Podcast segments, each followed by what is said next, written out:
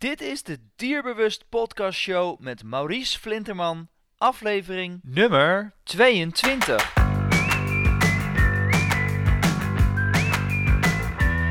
Welkom bij de Dierbewust Podcast Show, waarin je luistert naar experts die je voorzien van de beste informatie, tips en tricks op het gebied van honden.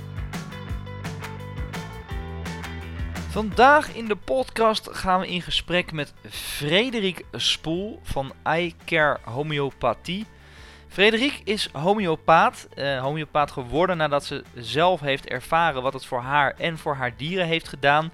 En vervolgens heeft ze de opleiding tot klassiek homeopaat eh, voor dieren uh, gaan volgen. Ze heeft daar een, een eindscriptie gedaan met als titel De gezonde hond, waarbij ze hebben onderzocht of het mogelijk is om een hond met gezondheidsklachten vooral door bijvoorbeeld de fokkerij of intilt, om die weer helemaal gezond te krijgen. Daar krijg je zo meteen het antwoord op, of dat ook kan lukken, ja of nee. Plus we gaan bespreken wat homeopathie in welke situatie voor jouw hond kan betekenen. Een goed alternatief voor bijvoorbeeld een medicijn. Um, en waarom we niet altijd op zoek moeten gaan naar de quick fix om een probleem bij onze hond op te lossen. Ik wens je heel veel luisterplezier en zijn er vragen, dan kun je aan het eind van de podcast natuurlijk je vragen in onze community stellen. Ik wens je heel veel luisterplezier. Welkom Frederik bij de podcast van Dierbewust. Nou, leuk dat ik uh, er mag zijn. Ja, Dat, is, uh, dat is wederzijds. Nou, zoals we in de intro al even benoemd hebben, heb jij een uh, eindscriptie uh, geschreven over, met, met als titel De Gezonde Hond. Waarbij jullie hebben onderzocht of het mogelijk is om een hond met gezondheidsklachten, vooral dan door de, de fokkerij of intilt, weer gezond te krijgen met homeopathie. En mijn eerste reactie was toen ik dat las, is dat ook gelukt, ja of nee? Ja, nee. Nou nee, we zijn dus eigenlijk in die, uh, uh, in die scriptie zijn we er wel achter gekomen. En nou, eigenlijk hadden we daar ook wel een beetje rekening mee gehouden. Dat uh, honden met zulke afwijkingen in vooral de erfelijke sfeer. En dan moet je denken aan de hele schuine stand van een herder en de hele korte snuit van, van mopshondjes. Cavalier King Charles met problemen. Dat die ja, dus gewoon niet meer te herstellen zijn in, uh, in, in het leven van dat bewuste dier. Maar ja, je kan geen schedel groter krijgen op wat voor manier dan ook. Je kan, de stand van die poten kan je ook niet meer veranderen. Je kan wel verlichting geven nog bij de dieren, hè, verlichting van de klachten. Maar je moet echt weer helemaal terug in de fokkerij en, uh, en gewoon gezonder gaan fokken om daar dan uiteindelijk weer een heel positief resultaat uit te krijgen. Ja, dus uh, homeopathie kan bij, bij een hoop dingen helpen, maar bij dit soort uh, gezondheidsklachten is het toch wel lastig omdat het echt vanuit de erfelijkheid zeg maar uh, is, uh, is meegekomen als ik, als ik je goed begrijp. En ja, ja, de mensen die de Dierbewust podcast luisteren, die zullen het ongetwijfeld weten. Ik ben, ben zelf persoonlijk niet zo ontzettende voorstander van het altijd toedienen van, van medicijnen. Tegenwoordig zie je heel vaak dat als een, een, dier ziek is, nou dan krijgen we een pilletje om het probleem op te lossen. En als de klachten er maar even wegblijven, dan zijn we heel erg, heel erg blij daarmee. En onder andere de Deense professor Peter Gutse, dat is de schrijver van het boek Deadly Medicine and Organized Crime. Heel interessant boek, absoluut een aanrader ook om, om die te lezen. En die ontdekte, ja, denk circa twee jaar geleden, dat medicijnen de derde doodsoorzaak zijn na hart- en vaatziekten en kanker. Dat is wel echt bizar. Um, ja. Dus ja, dit is ook de reden waarom ik dus persoonlijk niet zo'n voorstander van, van ben om uh, ja, elk probleem van mijzelf of, of van mijn hond uh, Sam te bestrijden met onder andere natuurlijk medicijnen. Um, het is natuurlijk uiteindelijk uh, veel beter om de oorzaak te vinden en het lichaam weer in balans te brengen. Nou, en ik weet uh, vanuit mijn ervaring dat, uh, dat je daar natuurlijk homeopathie uh, bij kunt inzetten. En dat dat heel goed kan helpen. Als alternatief voor bijvoorbeeld medicijnen. Of, of soms naast medicijnen. Maar voor de mensen die nog niet zo bekend zijn met homeopathie. Zou jij allereerst, Frederik, de luisteraars wat beter kunnen uitleggen hoe en waarom je dit zou kunnen inzetten bij je hond met, met bijvoorbeeld problemen? Ja, nee, zeker. Ja. Um, nou, Homeopathie gaat er dus ook vanuit dat mensen en dieren een zelfherstellend vermogen hebben. En uh, eigenlijk uh, in de homeopathie houd je uh, het lichaam van de mens of dier een spiegel voor uh, door een middel te geven die ongeveer gelijk is aan de klacht.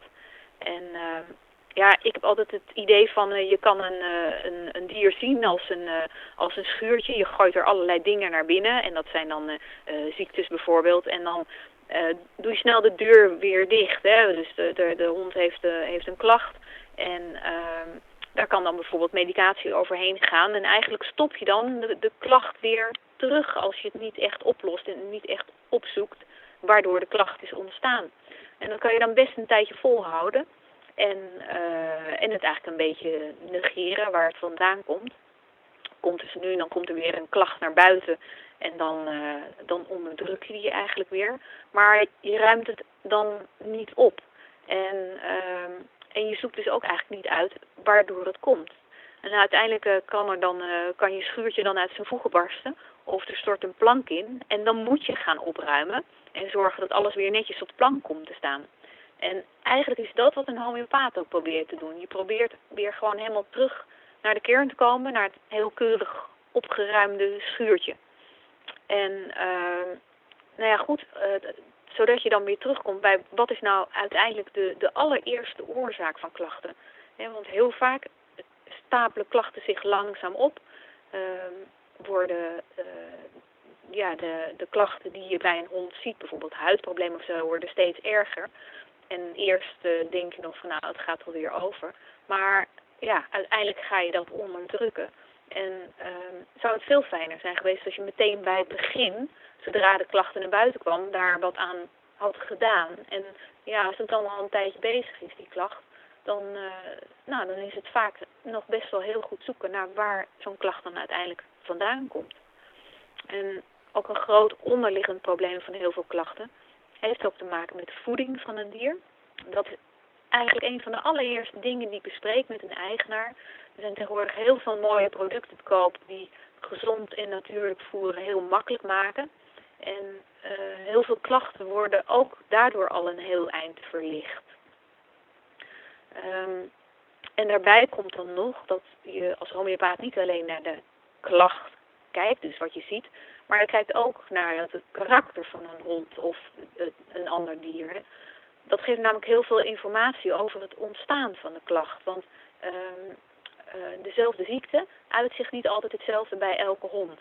Elke hond is anders en je hebt hele stoere honden en je hebt angsthazen en alles wat erin uh, ertussenin ligt. De ene hond kan schrikken en wegrennen, ehm, maar die stopt bijvoorbeeld na een tijdje en kalmeert dan. En een andere hond die schrikt en die blijft doorrennen en verstopt zich. Die kalmeert niet, maar die blijft dus eigenlijk altijd in zijn angst hangen. Dus bij hetzelfde eh, probleem reageren dan twee dieren gewoon compleet verschillend. En daardoor ontstaan er ook verschillende klachten. Ja, uh, duidelijk, uh, Frederik. En uh, je, geeft als allereerste aan natuurlijk voeding een belangrijke rol speelt. Nou is het natuurlijk zo dat vaccinatie en, en andere zaken zoals teken- en vlooimiddelen uh, nou ja, ik kan er nog een aantal opnoemen die uh, uiteindelijk natuurlijk ervoor zorgen dat het immuunsysteem uit balans kan raken. Is natuurlijk heel erg belangrijk om, om daarop te letten, zodat je net je schuur opgeruimd blijft. Um, maar als ik jou zo hoor, dan is het best wel lastig, want je, je bent als homeopaat dus eigenlijk um, problemen aan het oplossen van een hond. Um, dus je hebt deels dan de taak van een dierenarts, maar ook nog eens van een gedrags uh, therapeut, omdat je natuurlijk ook problemen hebt met gedragingen. Hoe, ga je daarmee om? Ja, ja, ja, nou dat is inderdaad heel leuk. Ja, ik denk dat eigenlijk het, uh, het kijken en het luisteren een, uh, een, een heel groot gedeelte ook uh, van een homeopathisch consult zijn. Um, en nou ja, als je het bijvoorbeeld over angst of stress zou hebben hè, bij honden, dan dan zijn er een heleboel verschillende vormen waarin zich dat zou kunnen uiten. En je kan dan ten eerste denken aan hele acute stress. Een hond waar bijvoorbeeld nu heel uh, erg actueel een rotje naar wordt gegooid. En de hond die schrikt dan vreselijk. Blijft nog een tijdje zenuwachtig uh, als hij op straat loopt. En zeker in de buurt van de plek waar het is gebeurd. En het beste is om, om die schrikreactie direct te behandelen. En ik heb hele goede resultaten gezien. Um, met homeopathie, maar ook met gedragstherapie bijvoorbeeld. Um, ja, en ten tweede met angst en stress kan je bijvoorbeeld te maken hebben met een hond die in het verleden is geschrokken. En er is toen niks mee gedaan en de klachten zijn erger geworden. Zo'n dier schrikt niet alleen meer van knallen, maar ook van brommers en auto's die heel veel lawaai maken. Of plotseling schreeuwende en roepende kinderen. En hij is sindsdien veel zenuwachtiger. De schrik die zit er dan al een tijdje in en dan zal het ook langer duren voordat hij weer de oude is. Maar ja, ook hier heb ik patiënten gezien dan toch weer tot rust komen en het schrikkerige dat verdwijnt. Maar het duurt dan ook wel weer wat langer, omdat ook echt het gedrag van een hond is veranderd.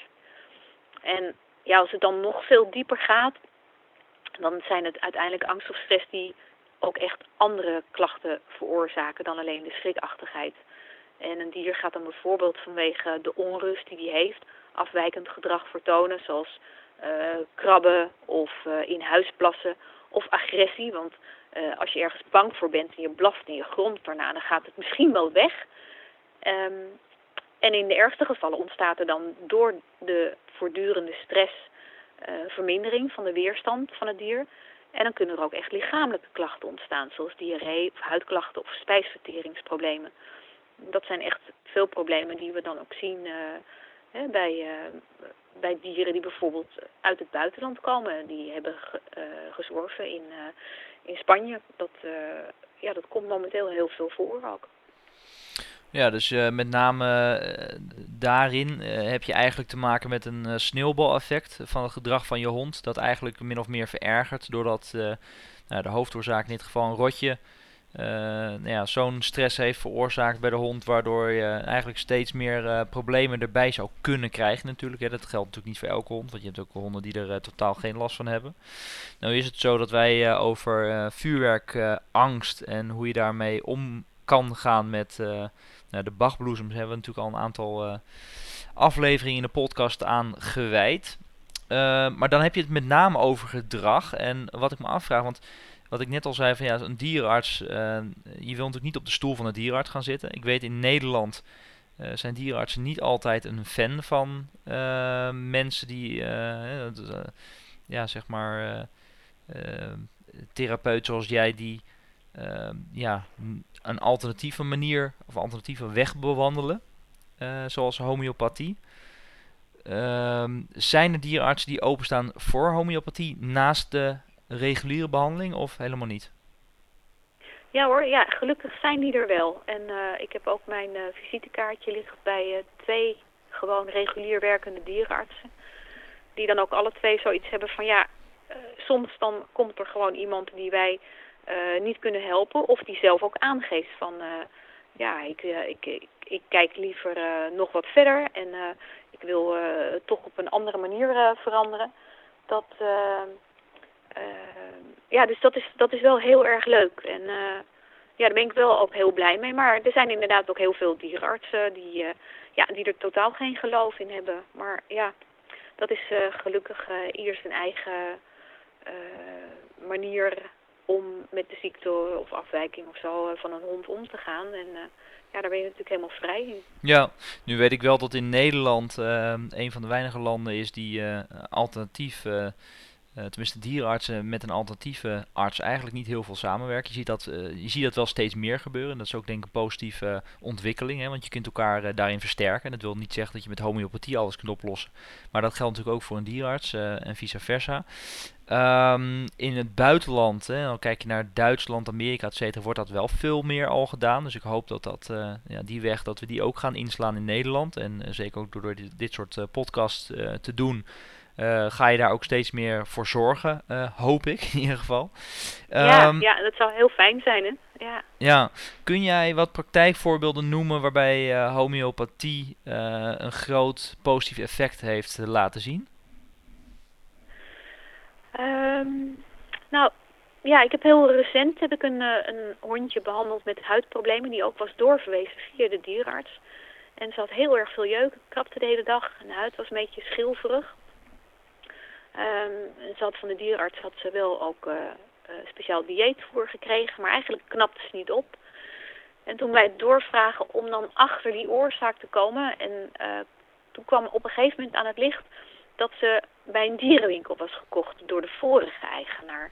Okay. Um, en omdat ik toen aangaf dat daar wel eens de oorzaak van de huidproblemen kon liggen, is het nieuwe baasje nog eens gaan navragen waar de vorige eigenaar het hondje precies had gekocht. En toen bleek dat ze pas een week of vijf was toen de vorige eigenaar haar kocht. En dus ook echt bij een, uh, ja, een broodfokker, echt een dierenwinkel waar allemaal pupjes in, in hokjes zaten. In het buitenland was dat uh, weliswaar. Um, en toen ben ik de behandeling gestart met uh, het adviseren om een middel te geven tegen dat vroeger verlies van haar moeder. En uh, nou ja, goed, toch wel wat traumatische ervaringen die uh, ze al heel jong had uh, doorstaan. En ook het wisselen van de eigenaar natuurlijk. Um, en toen gaf de eigenaar zelf aan na een paar weken dat de huid inmiddels rustig was. En dat het krabben en bijten vrijwel helemaal was gestopt. En dat was dan wel pas het bovenste laagje van de klacht hoor. Want ik bedoel, wat je zag was weg, zeg maar. Maar als je op dat moment dan hè, zo heel pril in de behandeling uh, zou stoppen, dan kan een klacht natuurlijk wel weer terugkomen. Dus dan is het altijd fijn om dan nog even uh, iets langer door te kunnen behandelen. En ik vind het ook altijd heel erg belangrijk om een dier ook nog een tweede keer te zien. Uh, dat, dat is heel fijn om te zien, maar in ieder geval om nog even contact te hebben met de eigenaar. Um, na een eerste behandeling van, ja, goh, hoe gaat het nu? En uh, ja, is diertje echt heel snel opgeknapt of uh, niet opgeknapt?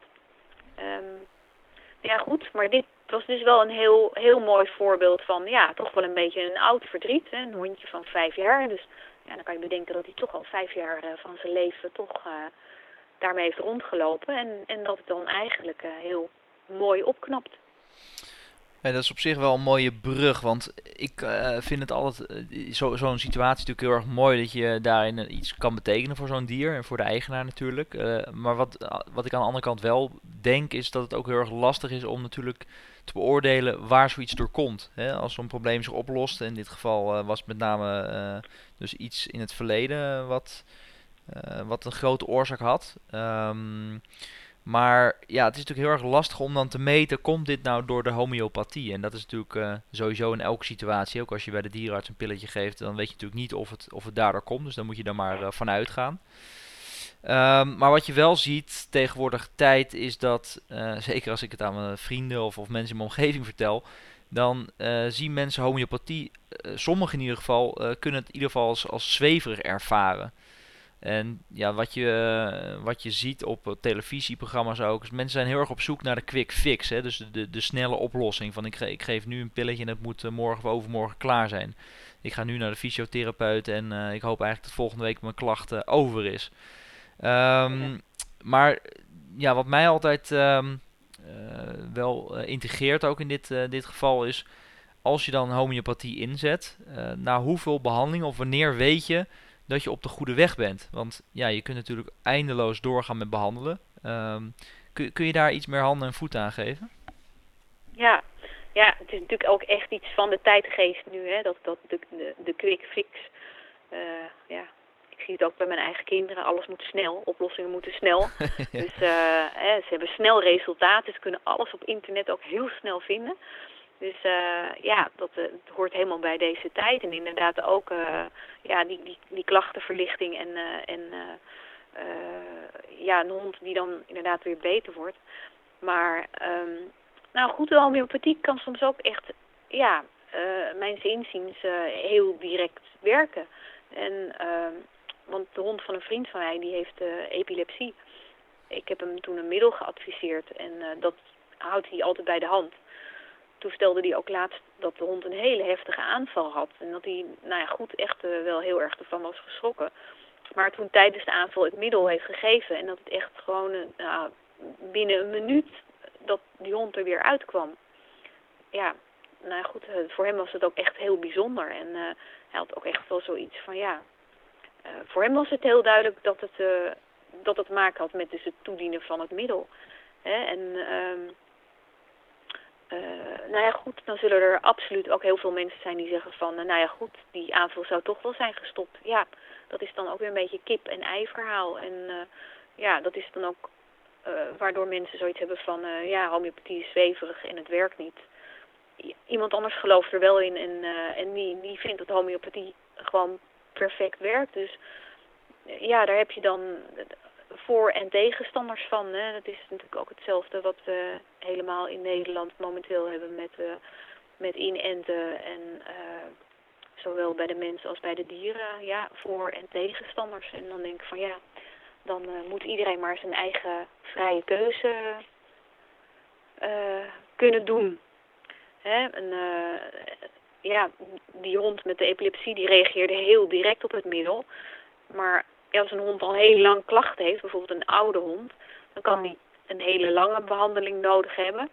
Uh, zodat je dan net als bijvoorbeeld bij een ui elke keer een heel klein laagje eraf pelt totdat je bij de kern van de klacht komt. En uh, soms zijn de eerste verbeteringen alleen maar psychisch. Dan ziet de eigenaar nog helemaal geen verbetering van een klachten op de huid of de spijsvertering of kreupen lopen. Maar als ze goed naar een dier kijken, dan zeggen ze van ja, hij is wel wat vrolijker.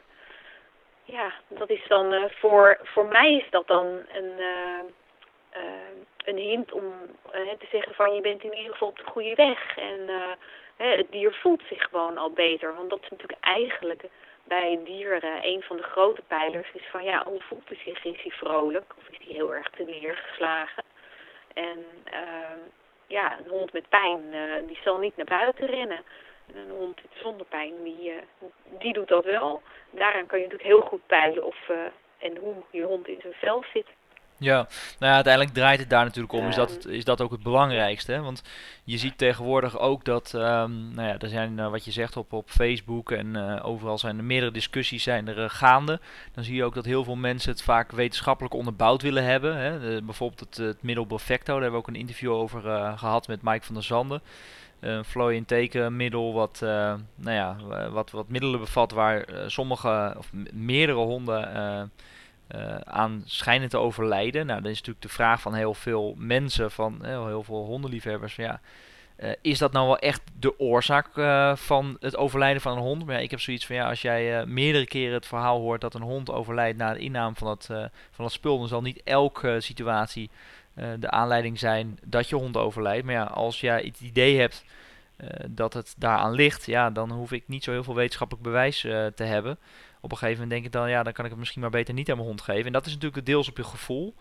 Maar goed, aan de andere kant moet je denk ik ook heel veel dingen op je gevoel doen om je hond goed te kunnen behandelen. Hè? Want hij kan niet praten. Dus ja, je zult ook je gevoel moeten gebruiken om, om je hond in een optimale conditie te krijgen. Dus dat blijft altijd lastig. En wat je zegt, ja, als je hond dan, dan blijer en, en beter in zijn vel zit, dan is dat natuurlijk gewoon een, uh, een indicatie dat je iets uh, goed doet in ieder geval. En uh, dat, is, dat, ja, da, dat ja. is natuurlijk waar het uiteindelijk om draait. Ja, ja, ja dus als, als diereigenaar moet je vooral heel goed je hond kennen en goed naar hem kijken. Ja, en uh, dus afgaan uh, af en toe op, uh, op je gevoel. Je gevoel laten, laten spreken. Ja. Um, ja. En tot slot, Frederik, want we zitten alweer bijna op een, op een half uur. Ik ben in de, de Dierbus podcast ben ik altijd heel erg benieuwd naar de belangrijkste levensles of inzicht die je hebt geleerd of hebt gekregen tijdens het houden van, ja, van jouw honden. Want je hebt zelf ook honden. Ja, ja. Nou, um, ik ben thuis van huis uit opgegroeid met honden. En uh, nou ja, goed, die werden gewoon, uh, zeg maar, uh, volgens de normale manieren werden die opgevoed. En nou goed, als ze iets stout deden, dan kreeg ze op hun kop.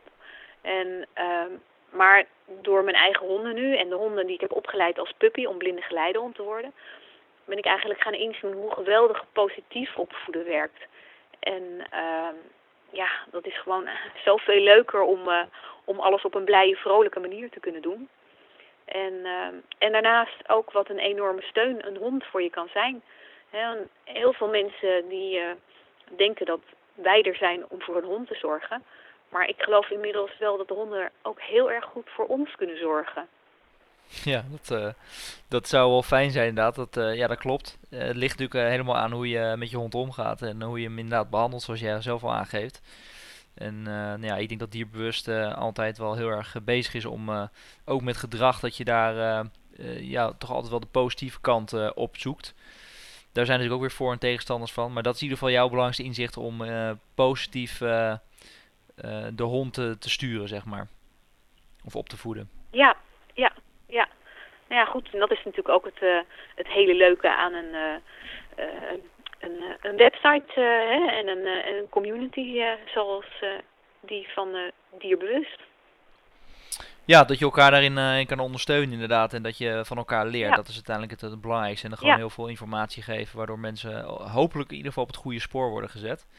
En zo komen we ook bij uh, het einde van de podcast. Want wat wij proberen is altijd een speciale aanbieding voor onze dierbewustleden te realiseren.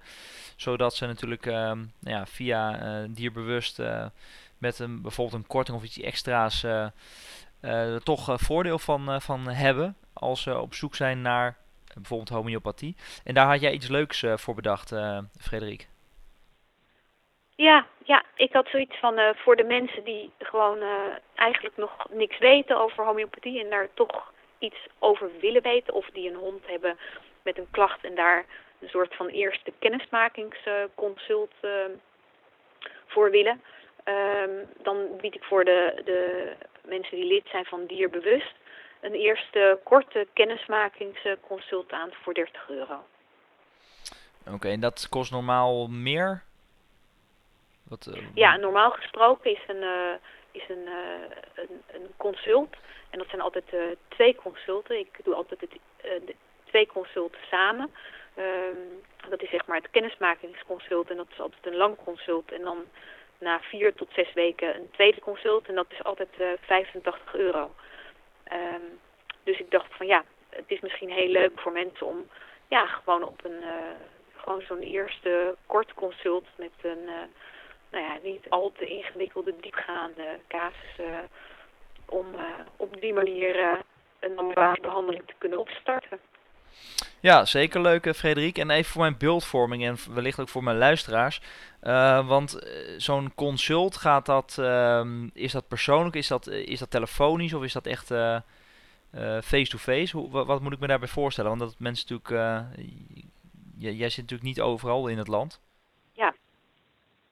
Nee, nee.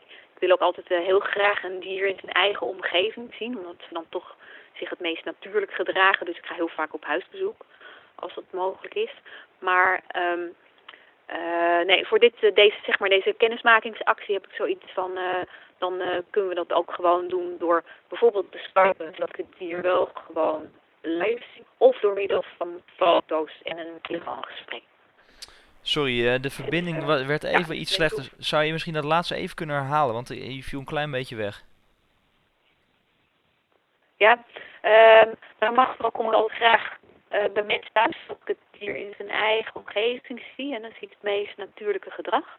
Maar um, voor, dit, voor dit korte kennismakingsconsult, nou, omdat ja, mensen misschien uh, verder weg zitten, um, ja, kan ik het gewoon ook een, telefonisch consult maken en dan eventueel met een filmpje of foto's van het dier en, en van de klacht. En eventueel dan kunnen we ook nog via Skype bijvoorbeeld een dier ook ja, live kijken.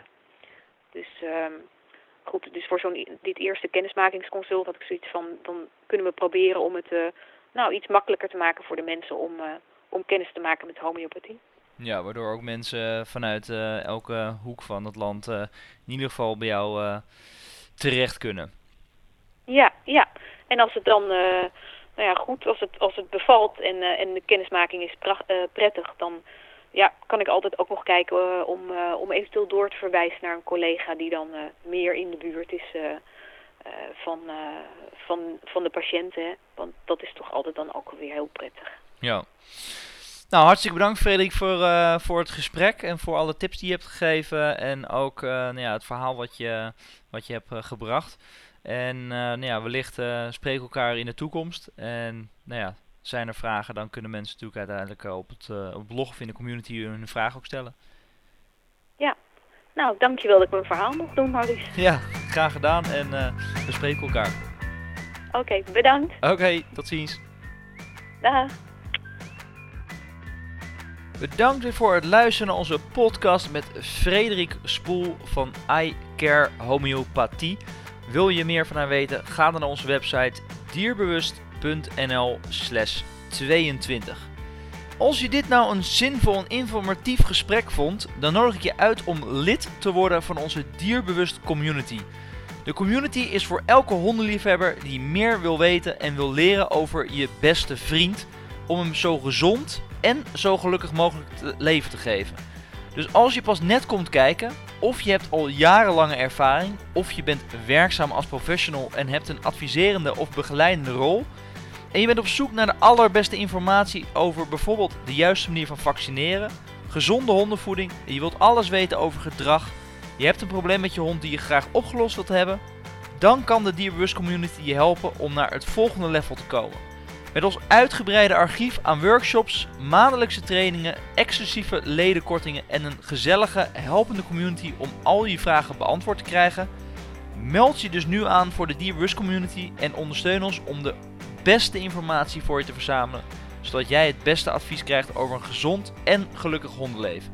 Ga naar dierbewust.nl/slash lid. Ik bedank je weer voor het luisteren naar deze podcast en hoop je natuurlijk de volgende keer er weer gewoon weer bij te hebben. Tot later.